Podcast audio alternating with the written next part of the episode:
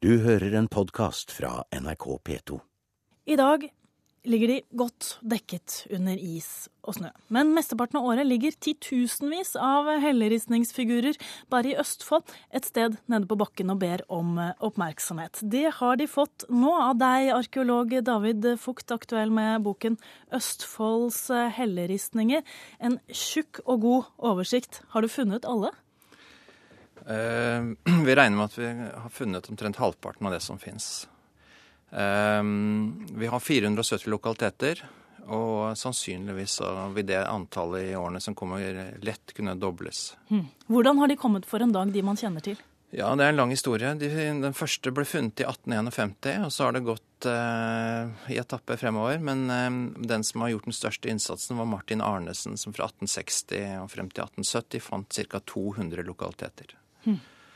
Og han, eh, han eh, dro rundt i landskapene med hest, faktisk. Og skisseblokk i salmappen og tegnet dette her på 1860-tallet. Og han hadde det ganske spennende underveis, kan jeg tenke meg. Du, jeg var så heldig at jeg fikk være med til et uh, helleristningsfelt for noen år siden, faktisk. Der uh, noen studenter jobbet på nattestid i duskregn med lommelykt i mørket, sånn at uh, ristningene skulle synes tydeligere. Deres prosjekt den gang det var å male opp igjen de røde strekene som en gang for noen år siden ble malt til ære for publikum. De, det er ikke så lett å se hva det er med en gang, men hvis man ser litt nærmere, så kan du se det at det er en hale her. Det er jo da trolig hester. Ja. Og ikke rever, som man antok tidligere. Nei, de var litt, For de har litt korte ben. Ja, dagslignende. Ja, ja, nei, det er nok hester. Det er vanskelig å se, faktisk, fordi den gamle malingen er slitt vekk. og ikke sant? Sånn at det blir jo et liten eh, tolkningsspørsmål for, eh, for meg også. Da. Det er jo mange mm. som skal se dem, faktisk. Så um, ja, er, iblant så stikker det jo en liten sånn er det en, er det en renne her, eller er det ikke? Så det gjelder å følge de gamle som er gjort fra før av, egentlig. Sliter ikke på fjellet når du gnikker og gnur? Nei, altså vi gnikker og gnur eh, med måte. ja. Så nei, er, vi er jo ikke hardhendte. Hva er forskjellen på en uh, naturlig sånn uh, fure og en uh, menneskeskapt ristning? Furene, altså det ser du jo, de, de, ligger jo etter hverandre. Parallelt. Og når du ser da en strek som bryter med en av de naturlige strekene, så tyder det på at det er en figur der. Men uh, det vi, vi har jo dokumentasjonstegninger uh, å gå etter når mm. vi skal male de opp. Så vi kan jo sammenligne med det, og um, samtidig som at det feltet vi har malt opp nå, har vært malt tidligere. Så det sitter gjerne litt malingsrester igjen i figurene mm. som gjør det enklere å, å finne konturene. Ja, akkurat her så ble det malt med rødt, arkeolog David Fugt. Det, det, var vel ikke helt sånn historisk riktig? Nei, det er noe man har begynt med mye, mye senere. Så eh, vi vet ikke riktig når man startet med, med maling av helleristninger, men det har blitt en tradisjon i Skandinavia der man fyller de med rødmaling. Og det er noe vi er på vei bort fra, mm. for å si det sånn. Hvilke viktige bidrag har disse hestene og strekemenneskene og de andre tegningene til vår historie? Nei, altså Helleristninger er eh, et veldig veldig spesielt fenomen. Altså Hvis vi ser i Østfold, så er det altså alle disse altså enorme forekomster av fantastiske bilder som er Det er en, en kulturskatt, en kunstskatt, som er bevart på, på berget 2500 år gamle, og de fins altså i forstedene til Sarpsborg Fredrikstad. Jordbruksområdet spredd utover i hele dette kulturlandskapet i Østfold. Og det, det forteller veldig mye om eh, om, om, samfunnet og livet i bronsealderen. Mm. Og det gjør dem også til en viktig del av jobben for dere hos Riksantikvaren. Eva Walderhaug, seniorrådgiver. Du har jobbet lenge med et bevarings- og sikringsprosjekt for helleristninger, også kalt eh, bergkunst. Hvordan skal disse sikres?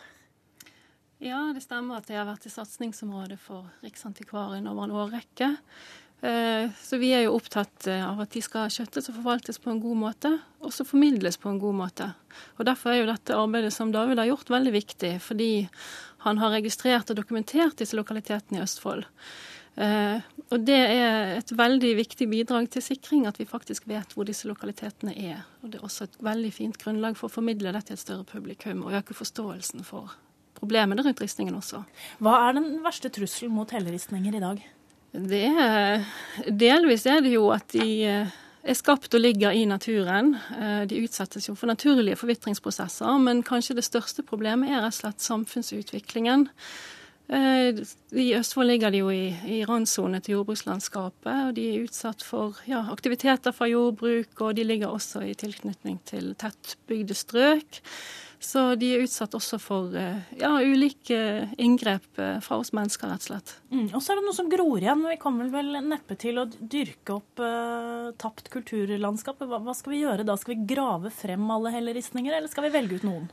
Nei, altså vi har ikke et mål om å grave fram alle helleristninger. Men uh, da er det også veldig viktig å få dokumentert den kunnskapen vi har uh, om hvor de befinner seg i landskapet, også fordi du har den trusselen med gjengroing. Så det er også et viktig et viktig arbeid David har gjort da, med å dokumentere dette, f.eks. i Østfold.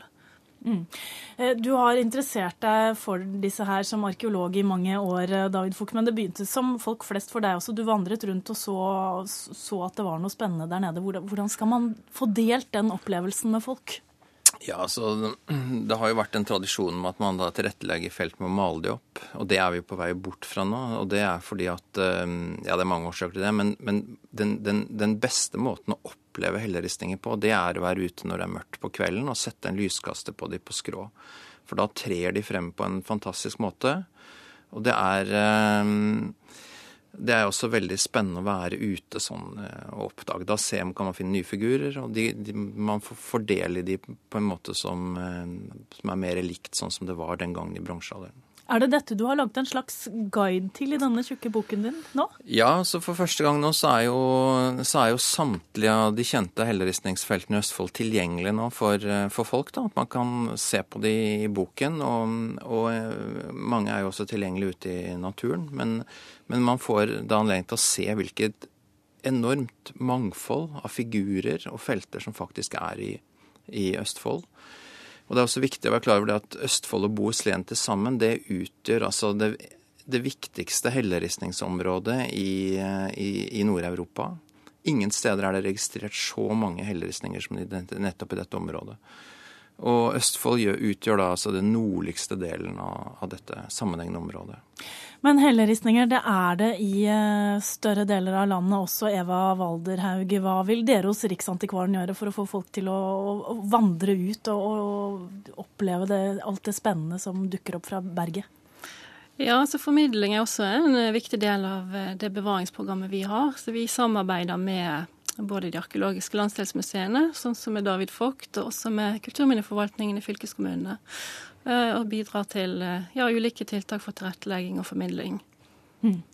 Da får vi se hva vi finner etter hvert når snøen smelter og guiden er blitt mer kjent. Takk skal dere ha for at dere var med i Kulturnytt, Eva Walderhaug fra Riksantikvaren og arkeolog David Fugt. Du har hørt en podkast fra NRK P2.